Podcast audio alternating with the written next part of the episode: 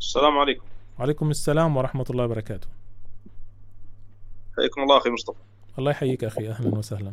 أنا عندي أستاذ أستاذ مصطفى أنا عندي فقط مشاركة تلاوة آيات تخص هذا الموضوع.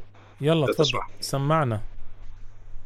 أعوذ بالله من الشيطان الرجيم. بسم الله الرحمن الرحيم.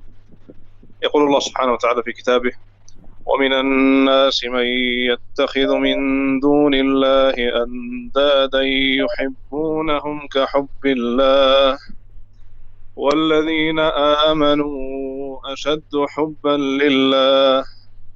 ولو يرى الذين ظلموا إذ يرون العذاب أن القوة لله جميعا. وأن الله شديد العذاب. إذ تبرأ الذين اتبعوا من الذين اتبعوا ورأوا العذاب وتقطعت بهم الأسباب.